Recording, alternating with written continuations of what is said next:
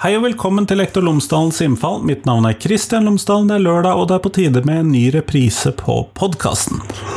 Noen ganger så er det sånn at eh, debatter som foregår i media, er utrolig daterte, samtidig som de på mange måter er litt eviggyldige samtidig. Eh, og det er veldig interessant for akkurat dette intervjuet. Intervjuet som jeg nå skal sende om igjen til dere, er intervju nummer 24, som kom 11. april 2017. Det er et intervju med Harriet Bjerrum Nilsen, som eh, er professor emerita fra Universitetet i Oslo. Og vi snakket om frafall, vi snakket om gutta i skolen, vi snakket om kjønnsforskjeller. Og akkurat på dette tidspunktet så gikk det den såkalte guttadebatten gikk i skolen, og var veldig tydelig og langt fremme, og var jo også derfor dette intervjuet ble noe av den gang da. Samtidig så er jo ut ifra hva jeg hører i og av intervjuet, så er det fremdeles svært aktuelt, det som blir sagt, og derfor har dette intervjuet kommet med på denne repriserunden, da, hvis vi skal kunne kalle det det. Ellers, hvis du går inn på skolen.cdu.no, så finner du alle de ressursene Cappelen Dam har laget i forbindelse med fagfornyelsen i grunnskolen. Podkasten er jo som du vet sponset av Cappelen Dam Utdanning, og hvis du går inn der, så finner du alle de ressursene, oppgavene osv. som Cappelen Dam Utdanning har laget i forbindelse med da fagfornyelsen. Alle fag, emner, tema, tverrfaglige tema osv. Alt sammen det finner du på skolen.cdu.no. Og det kan du gå inn og sjekke der. Mulig du har tilgang allerede. Mulig du må ta en sånn prøveordning. Det finner du ut av. Det vet du bedre enn meg. Men skolen.cdu.no. Her får du intervju med Harriet. Vær så god.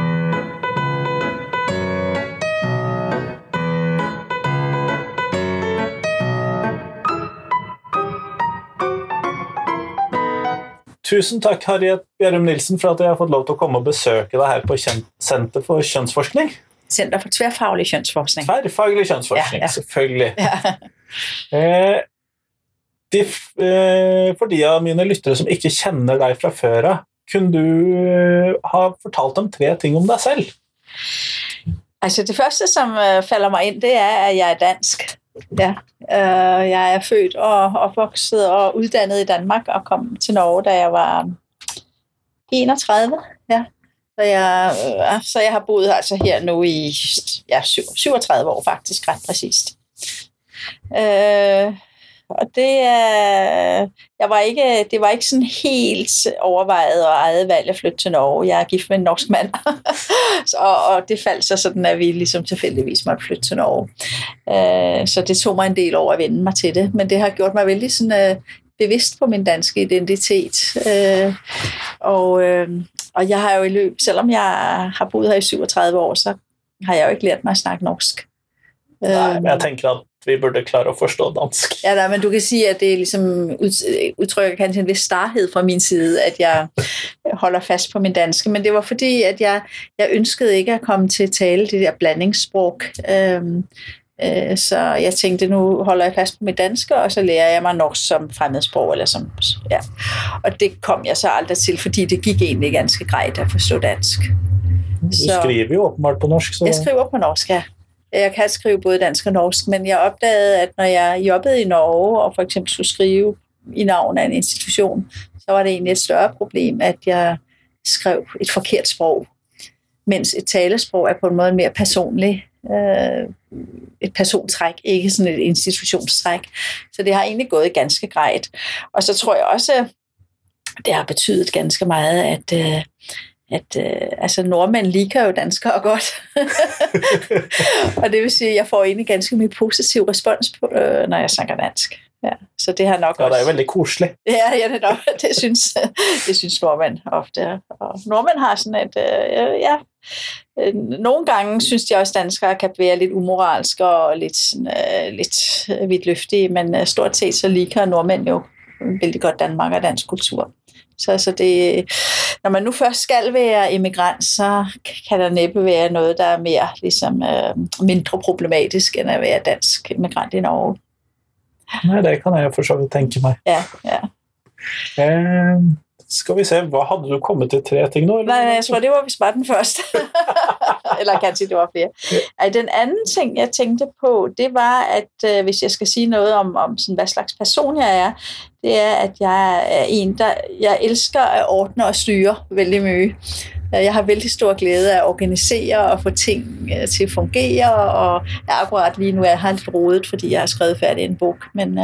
Ja, nej, jeg måtte se om der var masse gule lapper i bøkene, og det var jo nogle af dem. Ja. Nej, det er mere det. Altså, jeg har jo været leder her på centret i 17 år, øh, og det ligger jeg vældig godt. Altså, jeg liker simpelthen at få ting til at ske, og få organisere og lave få idéer og lave planer. Øh, men jeg er også sådan er vældig øh, kompromilløs, når det gælder, øh, altså at det skal have kvalitet, sådan som jeg opfatter kvalitet. Ikke? Så jeg tror, at som chef har jeg nok både været, jeg tror, at den der ligesom, øh, jeg har både været inspirerende, og, og, øh, men også udfordrende på den måde, at jeg ligesom, tingene har skulle være i orden. Så nogle gange har mine medarbejdere nok opfattet mig som lidt pessimeter, men jeg mener ikke, det er pessimetergrej. Jeg mener ret og slet, det er fordi, jeg vil have, at tingene skal være bra. Og det skal det være, hvad enten jeg skriver, eller vi laver et arrangement, eller øh, øh jeg laver mad derhjemme, så, så vil jeg have, at det skal være bra.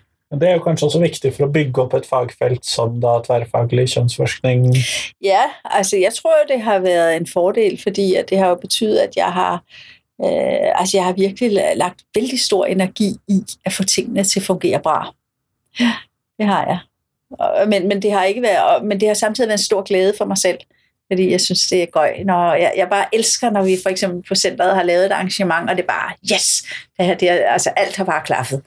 Og indlederne har været bra, og diskussionen har været fin, og blomsterne har været vakre. Så det, det har jeg synes var vældig gøj. Mm. Så bra. Ja. Så er det ikke, ja. Jeg tror det der egentlig går for både to og tre og ja, fem det tror jeg også. Det tror jeg, vi siger, det holder nu.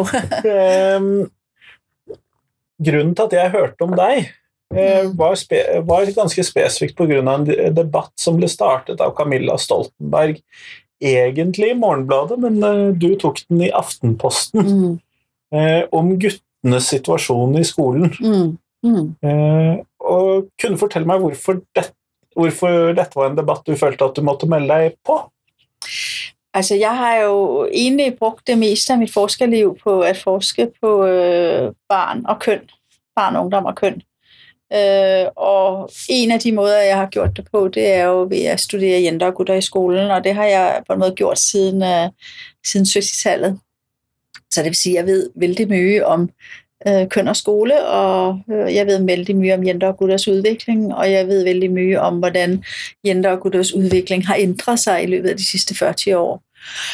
Og så øh, får vi med jævne mellemrum den der debat om, at nu er ligestillingen gået for langt, og gutterne holder på at blive samfundets tabere. Og der er så mye øh, altså fejl i den debat. Altså der er så mye misforståelser og så mye øh, øh, synsing, så jeg retter slet, øh, jeg tror, det er en blanding af, at jeg bliver irriteret over alle de der letvindte synspunkter, som folk kommer. Selv en person som Camilla Stoltenberg, som jeg ellers har stor respekt for, at også hun bare synes sig i vej. Øhm, og så at jeg retter slet følge en forpligtelse til som fagperson at gå ind og sige, hør nu her, der findes faktisk noget forskning på det her. Og det, som I synser og tror og frygter, det har ikke grund i noget som helst. Så det, derfor, men jeg var, jeg, jeg vil sige, at jeg, jeg synes også, det kan være vældig slidsomt at, at stå i offentlige debatter. Øh, man får jo også vældig mye kæft, øh, ikke mindst på sociale medier. Så, så jeg havde egentlig tænkt mig at lade den sejle forbi. Men så tænkte jeg, ej, jeg får tage mig sammen. ja, der har jo blitt nogle skriverier her nu i den debatten. Ja, og det, altså, det går jo vældig grejt med, med aviserne, der, der, der holder man jo en vis tone, selvom det også kan blive skarpt. Men, men det er klart, der er alt det der på sociale medier, men det, det prøver jeg ret og slet at lade være med at læse. Altså, Altså, de, ørten, øh, det er sjældent noget vits. Nej, ørten, folk, der altså, bare synes, jeg er så dum og så tejt og så totalt håbløst. Øh, så, så jeg har fundet ud af, at der er ikke nogen vits til at læse det. Så, så, så jeg har stort set ikke læst nogen kommentarer på nettet til mine artikler og, og, og så holdt mig under Kjetil Rulles' far Facebook-side, selvom han tagger mig sådan, så han prøver ligesom at, at få mig ind, så øh, jeg vil ikke ind på det, for det, det, er, det er faktisk det er ikke interessant. Nej. Det, det er bare, øh, man, man skifter på dem, som man ikke liker. Der er vældig, vældig lite argumenter i det. Ja. Men hvordan ser situationen ut for guttene i norsk skole, eller ja, hvordan ser situationen Ja, altså, det jeg jo har prøvet at, at, at få frem i den her debat, det er, at det har ikke noget enkelt svar, for det handler vældig mye om, hvilke gutter vi snakker om. Men hvis vi starter med barneskolen, øh, så øh, mener jeg jo for så vidt, at Camilla Stoltenberg havde et rigtigt point, og det er, at, øh, at det ser ud som om, at gutter er lidt senere udviklet sprogligt og socialt. Øh, og det er sandsynligvis grund, det er grunden til, at gutter altid har gjort det dårligere på barneskolen end jenter, og det, det er jo slet ikke noget nyt. Og, og det er jo noget af det, som blandt andet bliver ved og ved og ved at blive fejl øh, forstået i guttedebatten. Altså at man tror, at nu gør gutterne det pludselig dårligt på skolen. Det har de altid gjort. Øh, det er bare, så det kan ikke have noget at gøre med moderne ligestilling, men det kan sandsynligvis have noget at gøre med, at de er lidt senere øh, sprogligt og socialt modne.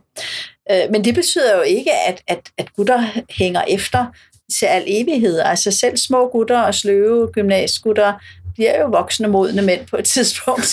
så så det, er bare, det er bare noget med udgangspunktet er lidt forskelligt. Det er ikke sådan en, det, det er blandt andet det, som, som uh, Christian Gunnarsen ikke kan forstå. Altså han tror, at jeg siger, at gutter er kognitivt svakere end jenter, og det er sådan en eller anden fast og stabil uh, egenskab, som aldrig ændrer sig. Det er jo slet ikke det, jeg siger. Jeg siger, at det ser ud som om, at de modner lidt senere, og det er de fleste jo. De kommer også to år senere i puberteten, og så videre, og så videre.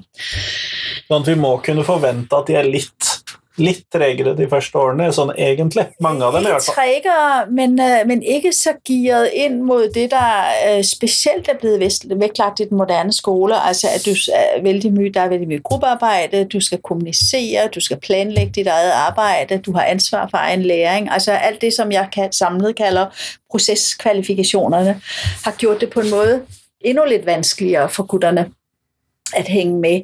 Ja, for de skal ikke bare længere sitte på pladsen og så Og løse matopgaver, nej. De skal også ligesom tage vare på de processer. Og så kan man sige, at det, der så yderligere gør situationen vanskelig for gutterne, er, at det at tage vare på sådan nogle sociale situationer, er jo noget, som jenter ofte er opdraget til. Og nu, der, nu er jeg over på det sociale. Ikke? Altså den socialisering, jenter får, er ofte orienteret mod, at de skal tage vare på, på sociale situationer, mellemmenneskelige forhold.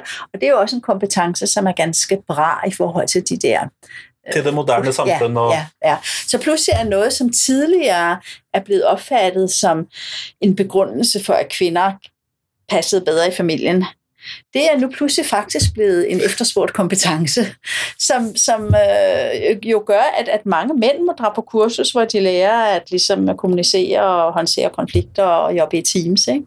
Øh, det gjorde jo vores bedste fædre ikke. Så, så det er en ændring i moderne kompetencekrav.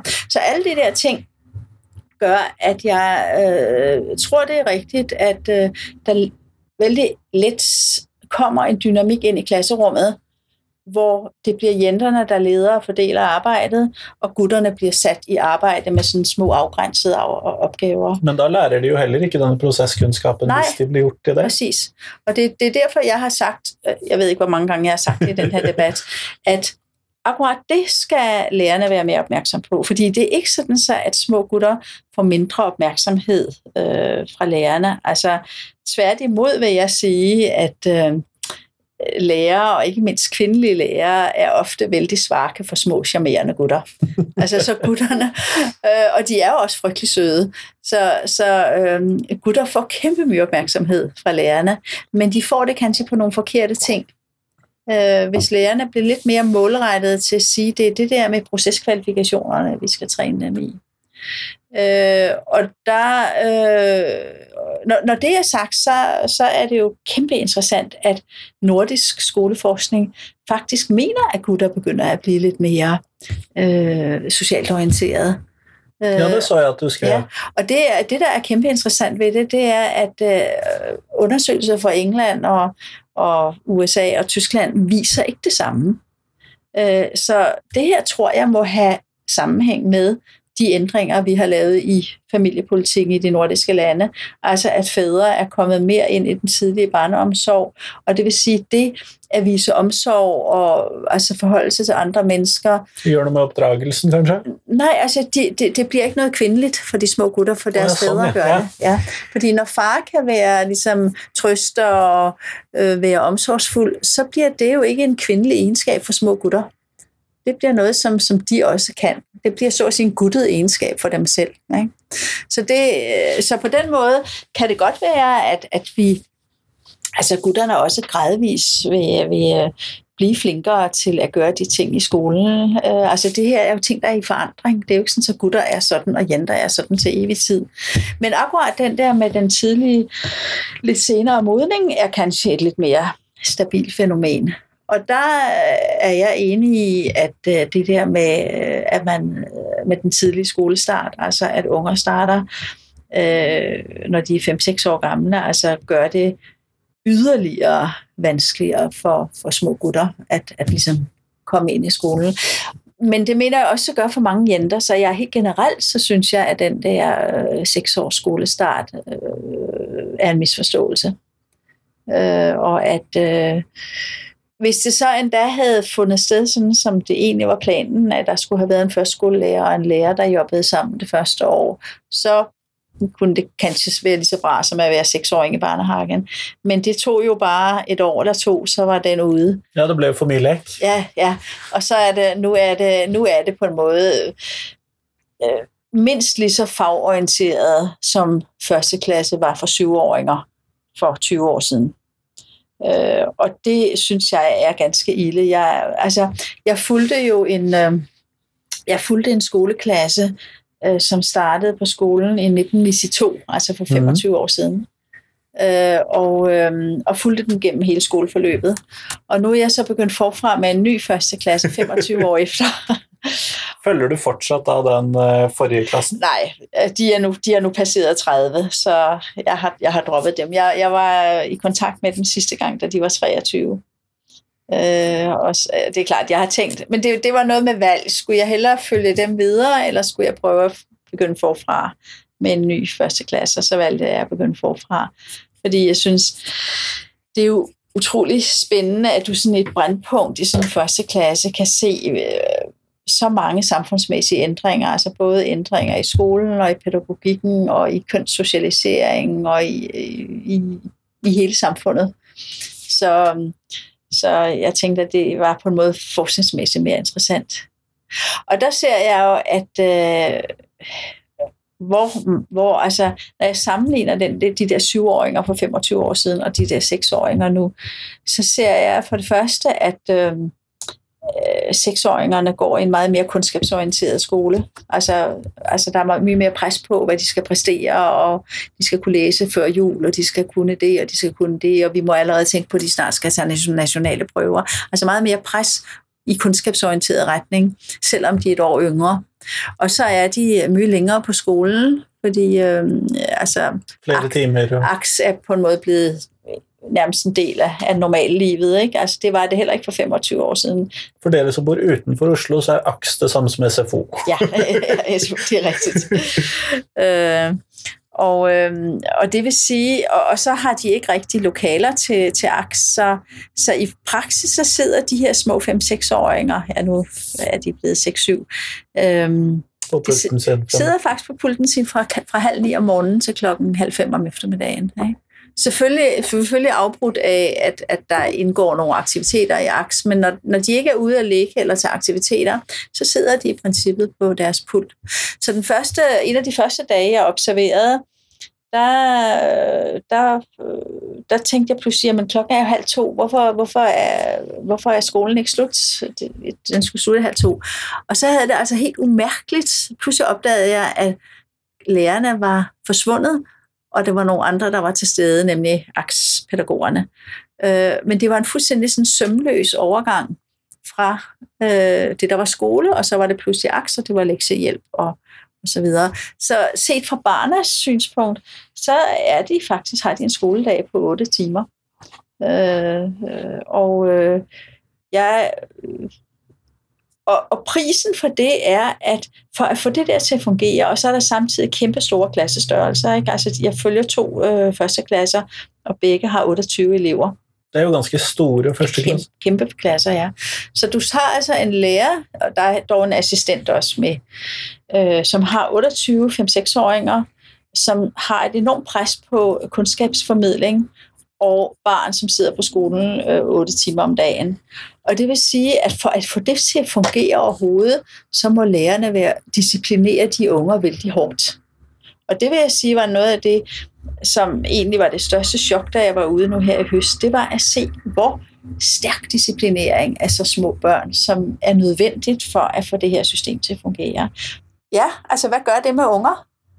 Øh, at, og, og jeg, altså, min kritik går ikke af lærerne, fordi jeg kan lærerne... De må få det til at fungere. De må få det til at fungere. De må få det til at fungere, og det betyder, at de må disciplinere, disciplinere, disciplinere. Og så er der klart, så er der forskel. Nogle øh, erfarne lærere får, får det til bedre, men, men uh, andre, og, kanskje, altså du har en del assistenter, som ikke har, har pædagogisk uddannelse, uh, og for hvem det bliver et rent sådan, uh, skifteregime.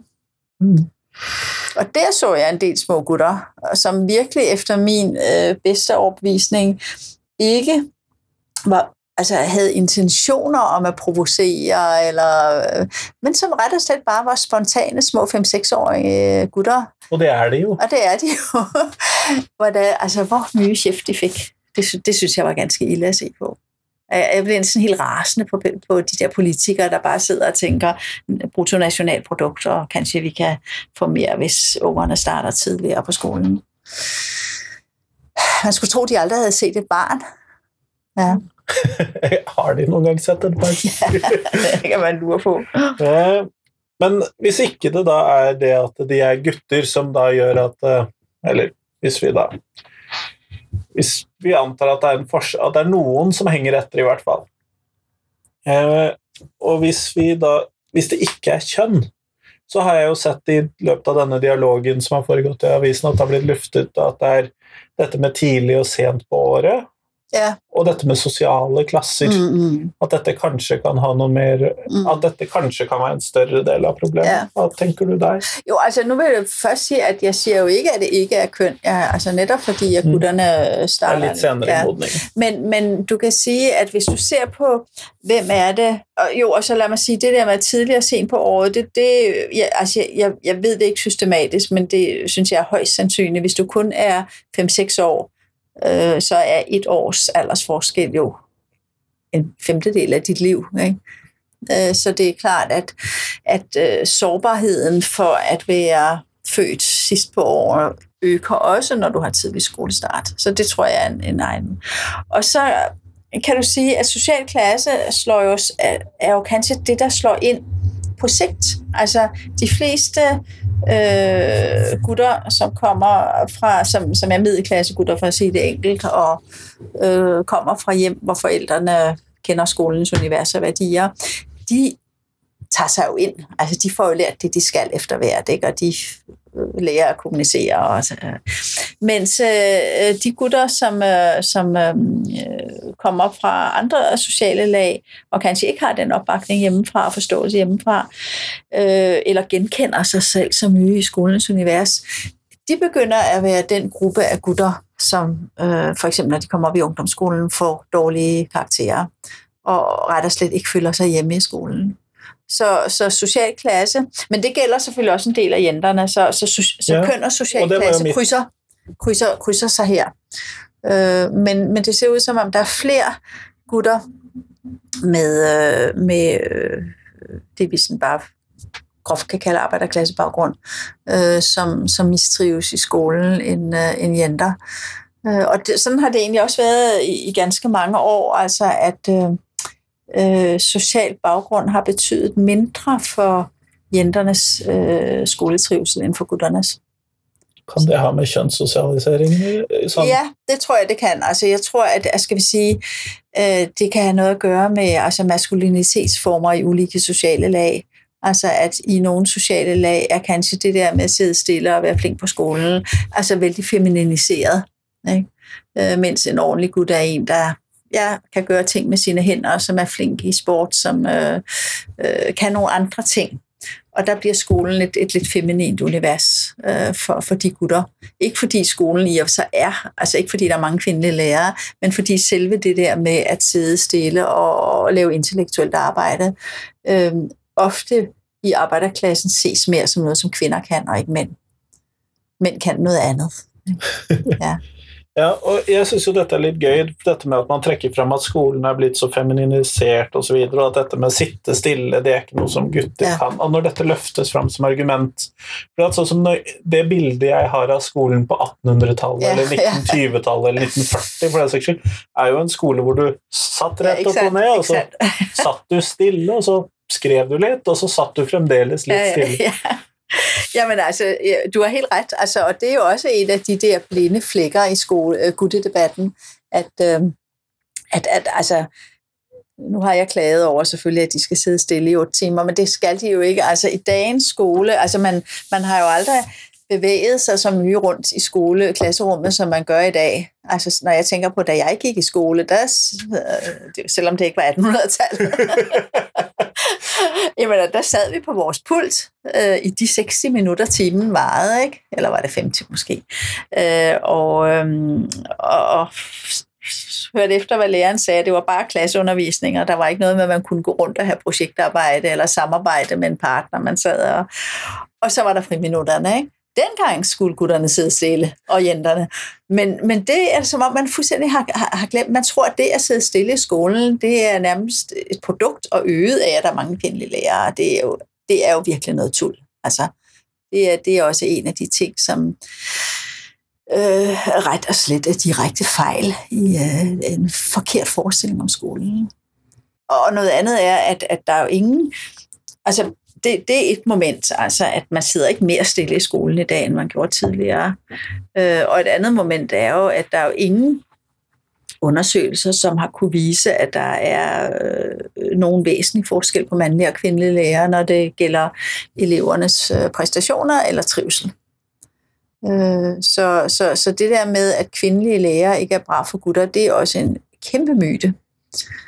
Øh, når det er sagt, så synes jeg selvfølgelig, at det er kæmpe vigtigt at få flere mænd ind i skolen, men det er mere for, at, at det, altså, ungerne ikke skal forstå, at, at det at jobbe med barn er noget, som bare kvinder kan. Altså, Rollemodellperspektivet. ja, at, at det vil være godt for både jenter og gutter at se, at her er voksne af begge køn, som ligesom kan, kan drive med os. Og så tror jeg også, at der kan sagtens være noget med, at nogle, nogle mandlige lærere kan have en, en mere leken form, øh, som på en måde øh, nogle, nogle elever, og af dem sikkert mange gutter, øh, synes er vældig gøj. Altså gutter kan godt lide mandlige lærere, men det betyder ikke, at de ikke trives hos de kvindelige. Og det betyder heller ikke, at det blir bedre resultat Nej. på snitt. Nej, det gør det heller ikke. Så, så, så hele den der diskussion, synes jeg også er gået ind i et fejlspor. Øh, men det betyder som sagt ikke, at jeg ikke øh, synes, at det havde været kæmpe flot at få, nogle flere gutter ind i læreruddannelsen. Øh, ja. Hmm. Men hvis vi nu flytter os over på videregående, eh, eleverne der, eh, ser vi nogen forskel på guttene og jentene når vi kommer etter, når vi har gjort oss ferdig med Mm, første mm. klasse og kommet oss opp på videregående? Ja. Altså der tror jeg, at for det første, vi skal skille vældig mellem øh, studieforberedende og, og yrkesfaglig. Så hvis vi tager yrkesfaglig, som vel er det, jeg ved mindst om, øhm, så ved jeg, at dem, øhm, dem der øh, dropper ud fra, fra yrkesfaglig, for det er jo også noget, der er fokuseret vældig, er øh, for det første de elever, som øh, har dårlige karakterer fra grundskolen, og som ofte kommer fra øh, øh, lavere sociale miljøer. Og øh, det vil sige, at og det betyder, at der faktisk både er ganske mange jenter og ganske mange gutter, der dropper ud. Så det her er jo virkelig blevet udråbt som et gutteproblem, men det er faktisk noget, som øh, der er en stor, altså der er forskel, der er flere gutter end jenter, der dropper ud, men det er jo vældig, nu kan jeg ikke, jeg tror det er noget med 24 procent af jenterne og 34 procent af gutterne stemmer. efter fem år, ja. Det var rigtig husket. øh, og jeg mener, 24 procent af jenterne, det er faktisk en fjerdedel af jenterne, og de bliver fuldstændig usynliggjort, når det her bliver defineret som et rent gutteproblem. Ja, for 24 er ganske mye i sig selv. Altså, det er en fjerdedel. Ja. Ja, ja. Og det er der ikke nogen, der nævner. Nej, altså øh, fra, frafald i videregående skole, det er et gutteproblem. Så det er jo noget tul. Men der er, okay, der er flere gutter. Men øh, det, der også er interessant, det er, at dem, der falder fra, de falder fra på de, øh, øh, de, øh, de køns øh, homogene linjer, altså så jenter falder fra fra de linjer, hvor der næsten bare går jenter, og gutter falder fra på de linjer, hvor der næsten bare går gutter. Så hele den der forestilling om, at gutter falder fra, fordi der er vældig flinke jenter i klassen, eller fordi der er en øh, kvindelig kultur i klassen, det stemmer jo heller ikke, fordi de går på en måde næsten i rene gutteklasser. Øh, og der, hvorfor de gutter øh, falder fra på de guttelinjer, det ved jeg faktisk ikke. Det ved du sikkert mere om, som underviser dig. Øhm, fordi jeg, jeg, har ikke, jeg har ikke forsket på, på videregående skole. Men jeg øh, forestiller mig jo, at det har noget at gøre med altså Reform 94 og, og det, at... Øh, at øh, du for at få den her velsignede fleksibilitet mellem øh, de forskellige linjer, så har du måttet stappe vældig mye teori ind i, øh, i yrkesfag, som øh, den her gruppe af gutter ikke trives med. Og jeg har aldrig begrebet, hvorfor man ikke hellere kunne sige, lad yrkesfag få lov til at være yrkesfag på sine egne præmisser, øh, som jo selvfølgelig inkluderer en del teori, fordi altså en, en De må fag, jo kunne en del teori alligevel. en fag, men, men, men det er noget helt andet, når, når, når teorien er koblet til, at du skal være elektriker eller du skal være tømrer, at så må du kunne noget teori, fordi det er blevet ganske teknologiske yrker i dag også. Og så at du skal sidde og læse norsk lyrik og øh, hvad du nu ellers skal. Øhm, og, og der tænker jeg, altså kan man ikke lade yrkesfag få lov til at være yrkesfag, og så kunne man hellere, ligesom vi har i Danmark, have nogle, over, altså nogle overbygning, overbygninger eller nogle øh, kurser, som du kan tage ovenpå, hvis du på et tidspunkt finder ud af, at jeg vil hellere have haft en, en mere teoretisk uddannelse. Altså i Danmark har vi det, der hedder HF, altså højere forberedelseseksamen, tror jeg det er HF, som netop blev oprettet som et toårigt forløb, som tilsvarer treårig studieforberedende øh, udvikling, men altså, hvor man har skåret det ned til to år, fordi man har tænkt, at det er voksne folk, og der er en del fag, de ikke har. Men de har de vigtige, som de skal for at kunne komme videre. Og det har jo været en kæmpe succes, fordi det betyder, at skal vi sige, du har elever, som kanskje har taget en, en yrkesfaglig linje, og så senere finder ud af, at det var noget andet, jeg ville, og så er der en overgang. I stedet for, at du tvinger alle, der tager yrkesfaglig, til at, øh, at øh, have så mye teori for, at de få, der kanskje vil skifte over, at de kan gøre det, uden at tage noget ekstra. Så det er sådan, som jeg forestiller mig, at det er det, der er problemet. Men, men jeg har ikke studeret det her, så jeg ved ikke, om det er rigtigt. Men øh, du har skrevet om, hvad vi ved om øh, fra de studieforberedende linjerne. Hvor de studieforberedende linjer, der ved vi for det første, at der er vældig lige til drop-out. Altså de fleste fortsætter, og at der er lige til forskel på, på jenter og gutters drop-out-rater. Jeg tror også, der er lidt flere gutter der, men jeg kan ikke lige huske tallene. Men det er såpass lite, at jeg ja. tror ikke, at det har været et nej, fokus nej, for nogen nej, egentlig. Nej, nej. Så det, så det er, det vi ved, det er, det er, at vi ved, at jenter gør mere lektier. og de får bedre karakterer. Men, men, men karakterforskellen er alligevel mindre, end den er på ungdomsskolen, men, men den er der fortsat. Og, øh, men hvis man gjør mindre lekser, så vil jo det medføre vel, ja, men, dårligere karakter. Ja, ja det er, yes, sådan er det. og, og det er der vældig mange ting at sige om, fordi hvorfor gør jenter flere lektier? Og øhm, øh, øh, jeg synes jo, at samfundet forholder sig utrolig dobbelt til jenter, fordi på den ene side, så er det så vældig fint, at jenter er så flinke i dag og øh, gør sig bra og får så gode karakterer, og på den anden side, når vi ser en flink jente, så det første, der falder os ind, det er sådan, hun lider sikkert af et, et flink pikesyndrom. Ikke? Det vil sige, altså når jenterne gør det godt, så, så får det en bismag af sådan, at hun er for konform, og hun er, øh, ja, hun overdriver.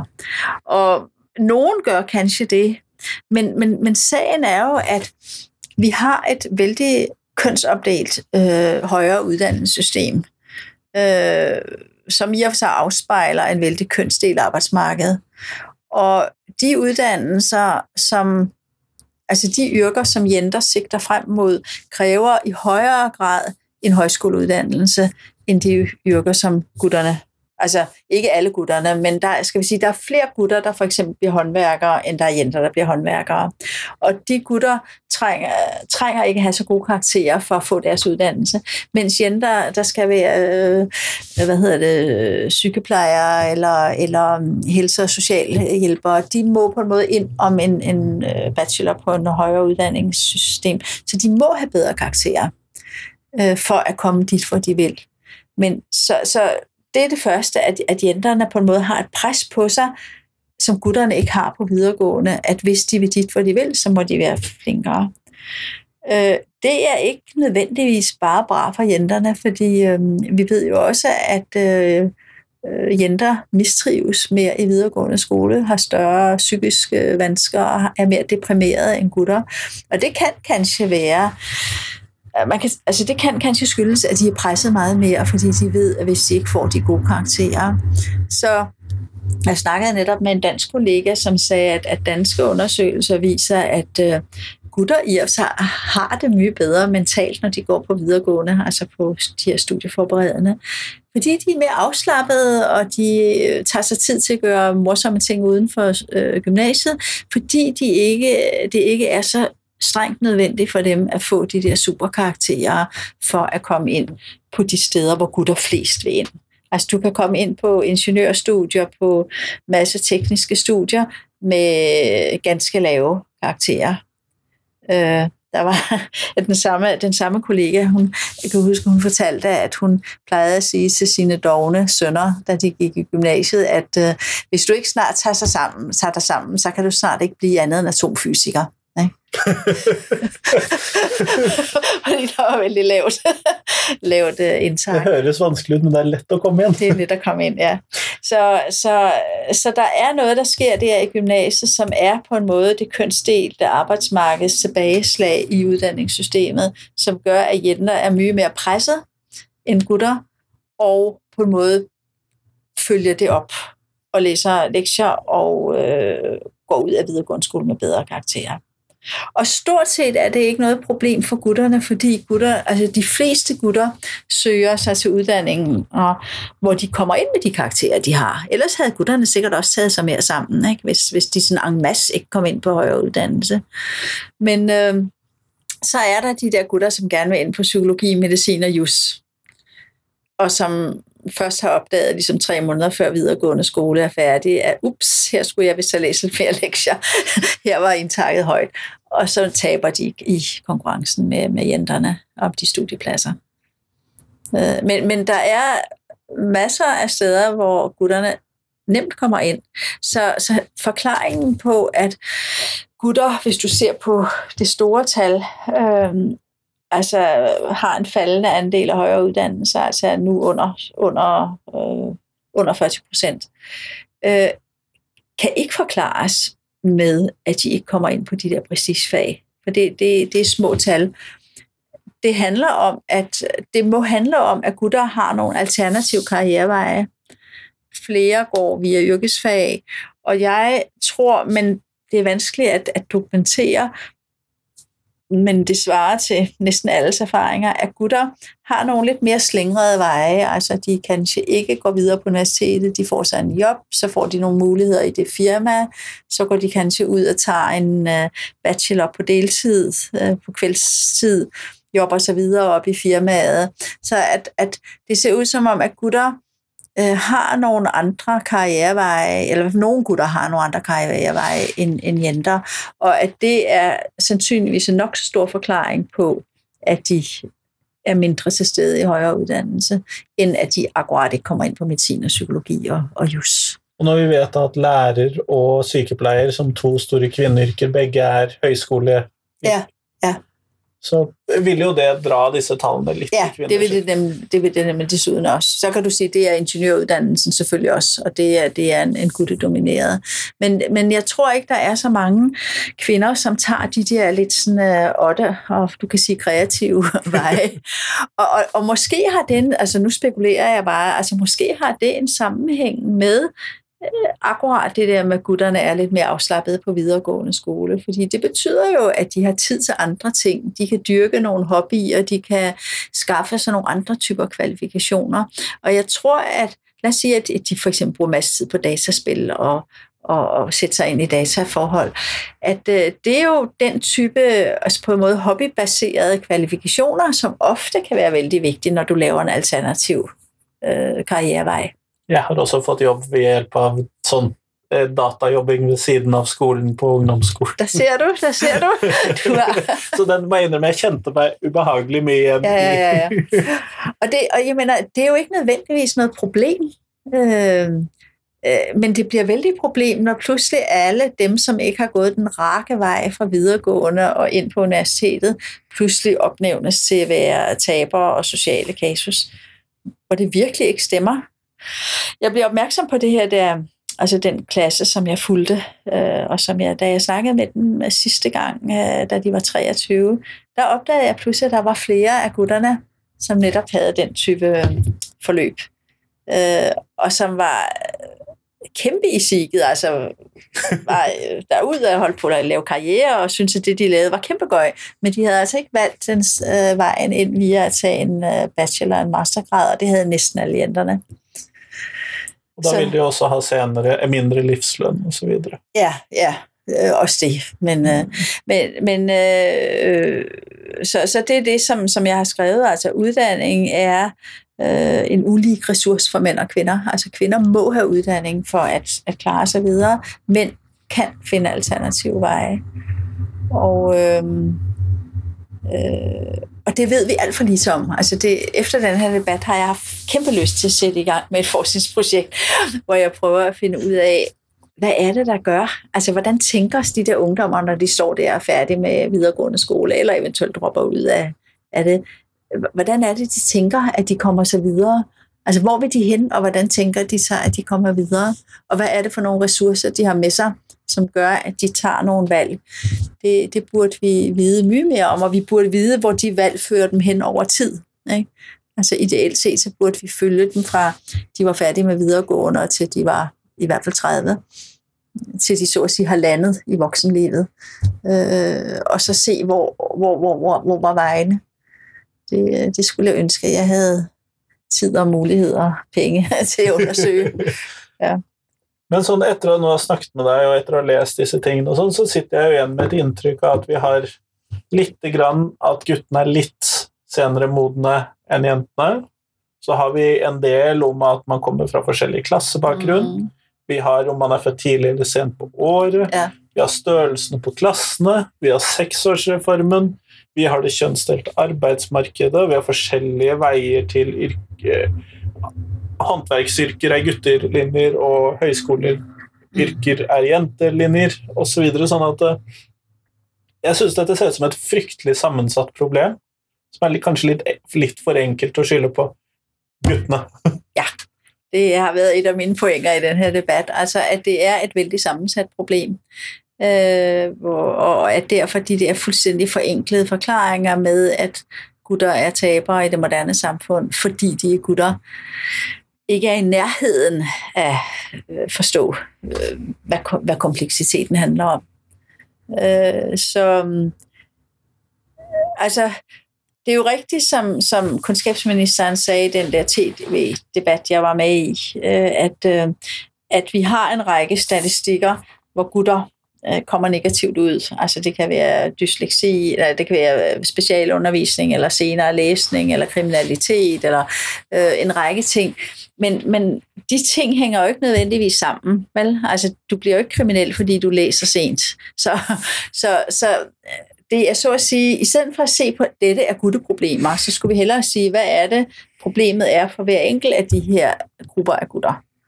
Og så kan vi selvfølgelig altid komme med, at der findes selvfølgelig også statistikker, hvor, hvor kvinderne kommer dårligt ud, som på løn og ledelse og den slags ting. Men, men, men, men det bliver ofte lidt dumt, hvis det bliver altså det, som, som nogen kalder sådan et OL i, øh, hvem der er mest undertrykt. Altså det er egentlig en vældig uinteressant diskussion. Det, der er vigtigt at forstå, det er, hvad er det, den specifikke situation, de specifikke problemer er hos gutterne eller hos jenterne, øh, eller hos nogle gutter og hos nogle jenter. at, at det, vi, det er sådan, vi må tilnærme os det, i stedet for at stå der og råbe om, om, om det er gutter eller jenter, der har størst problemer, og hvem det er mest synd på. Kanskje viktig med et interseksjonelt perspektiv inn i Ja, absolut. Uh, helt klart. Ja. Men sånn, eh, fordi at nå begynner vi å nærme oss en avslutning her, og da har jeg jo mitt faste eh, avslutningsspørsmål. Og hvis du hadde fritt mandat og fritt budsjett Ja. til eh, å styre over norsk skole, skolediktator for en dag, hva ville du da gjort i norsk skole? Ja, altså for det første ville jeg have skruet seksårsreformen tilbage. Eller i hvert fald øh, have gennemført den, sådan som den var tanken øh, med, at det skulle være lek og læring. Og så vil jeg have mindre klasser, altså større lidt lærertæthed. Øh, I hvert fald i, øh, og, altså i hvert fald sådan, der skulle være mindre klasser på de små klassetrin. Man kunne godt have store, store klasser, fordi ungdomsskoleelever lige kan være sammen med mange, for der, det er jo en alder, hvor jævnaldrende er vigtig, men du kunne have flere lærere til en stor gruppe. Så skulle skolen afbyråkratiseres. Jeg synes, det er helt fortvivlende, altså, at lærere må bruge så meget tid på sådan formalistiske strækøvelser, i stedet for at bruge deres tid på det, der er vigtigt, nemlig at forholde sig til barnet. Og så øh, tænker jeg, at øh, altså nu skal det siges, at jeg, jeg, jeg, kan, jeg har jo ikke været så vældig mye ude i skolen. Altså mit, for det første er jeg først, ser jeg først og fremmest mig selv som barne- og ungdomsforsker mere end skoleforsker. Og, og jeg, jeg, nu er jeg begyndt med den her første klasse, men det er jo, ellers har jeg ikke været i skolen mange år. Men jeg har jo indtryk af, at det der målstyringsregime, hvor der nærmest skal øh, altså stilles op øh, 20 delmål for, for hver gang, for hver time, er et sandt mare for, for lærerne. Så jeg tror, jeg vil simpelthen skrotte alt det der, og så vil jeg sige, at nu skal øh, vi giver nogle retningslinjer for, hvad det er, lærerne skal lære ungerne, og så tror vi på, at lærerne har en øh, professionalitet og kompetence til at gøre det på bedst mulig måde. Øh, så, så, så jeg vil altså prøve at få hele det der meta, øh, øh, vægt på meta-perspektivet ud af skolen. Altså med, at øh, ikke alene skal eleverne lære noget, men de skal også hele tiden observere, hvordan de lærer det. Altså, i min første klasse for eksempel, der, der skulle de en dag lære om, øh, hvad der sker på en almindelig morgen, når vi står op. Og det var sådan, ja, hvad gør vi først? Ja, først så ringer vi uret, ja, og så går vi ud af sengen, og så går vi på do, og så børster vi tænder, og så tager vi på klæder. Og man kunne se, at ungerne var sådan lidt sådan, øh, ja, det ved vi godt, ligesom Hvor, hvorfor skal vi lære om det i skolen? Så med mindre det var sådan et udtryk for sådan en eller anden kulturel normering, at nu måtte man sørge for, at de der indvandrerbørn også børstede tænder om morgenen, så skønner jeg ret og slet ikke, hvad, hvad er det, man tænker? Altså, hvorfor fortæller man ikke børn om nogle spændende ting? Hvorfor fortæller man dem ikke om øh, stjernerne, eller øh, dyrenes levevis, eller hvad der skete i historien, eller øh, hvad der sker i deres samfund, i stedet for at have de der sådan, fortænkte mål, som stilles op. Så jeg vil virkelig gå kritisk igennem hele den der øh, galskab med målstyring. Um, Hørtes veldig bra ut. Ja. Og så vil jeg kanskje til sidst en, en sidste ting. Jeg vil øh, sørge for, at de børn, der har øh, specielle læringsbehov, lad os sige, at du har en unge med dysleksi eller øh, andre lærevanskeligheder, at det virkelig blev fuldt op på en systematisk måde fra skolens side, sådan så det ikke var forældrene, der måtte kæmpe og kæmpe og kæmpe for, at øh, deres barn får den støtte, som de skal have, for det synes jeg, jeg har set mye af. Så ja. Du tok, du tok det frie budsjettet godt ut her. Ja, ja. ja. Er kjempeflott. Tusen takk, Harriet, for at jeg har fått lov til å komme og besøke deg. Ja, det var bare hyggeligt. Det var bare hyggeligt. Tak for, at du kom.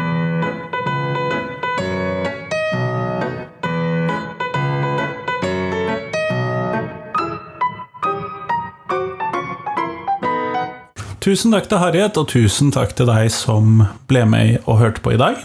Jeg har jo også hatt et senere intervju med Harriet Bjerum Nilsen, da sammen med Kirsti Malterud fra Universitetet i Bergen. Det kan du jo se om du finner.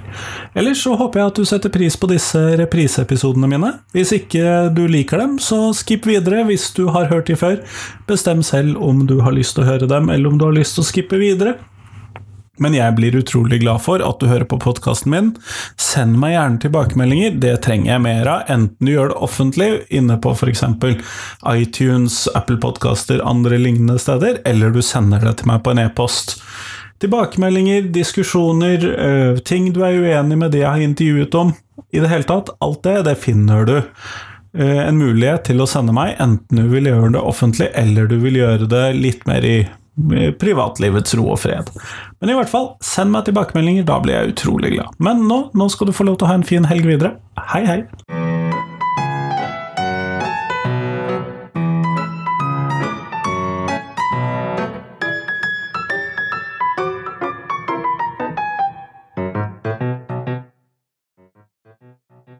Husk at du kan gå inn på Facebook og finne Facebook-gruppen Lektor Lomsdalens innfall hvis du har lyst til å være med og diskutere norsk skole.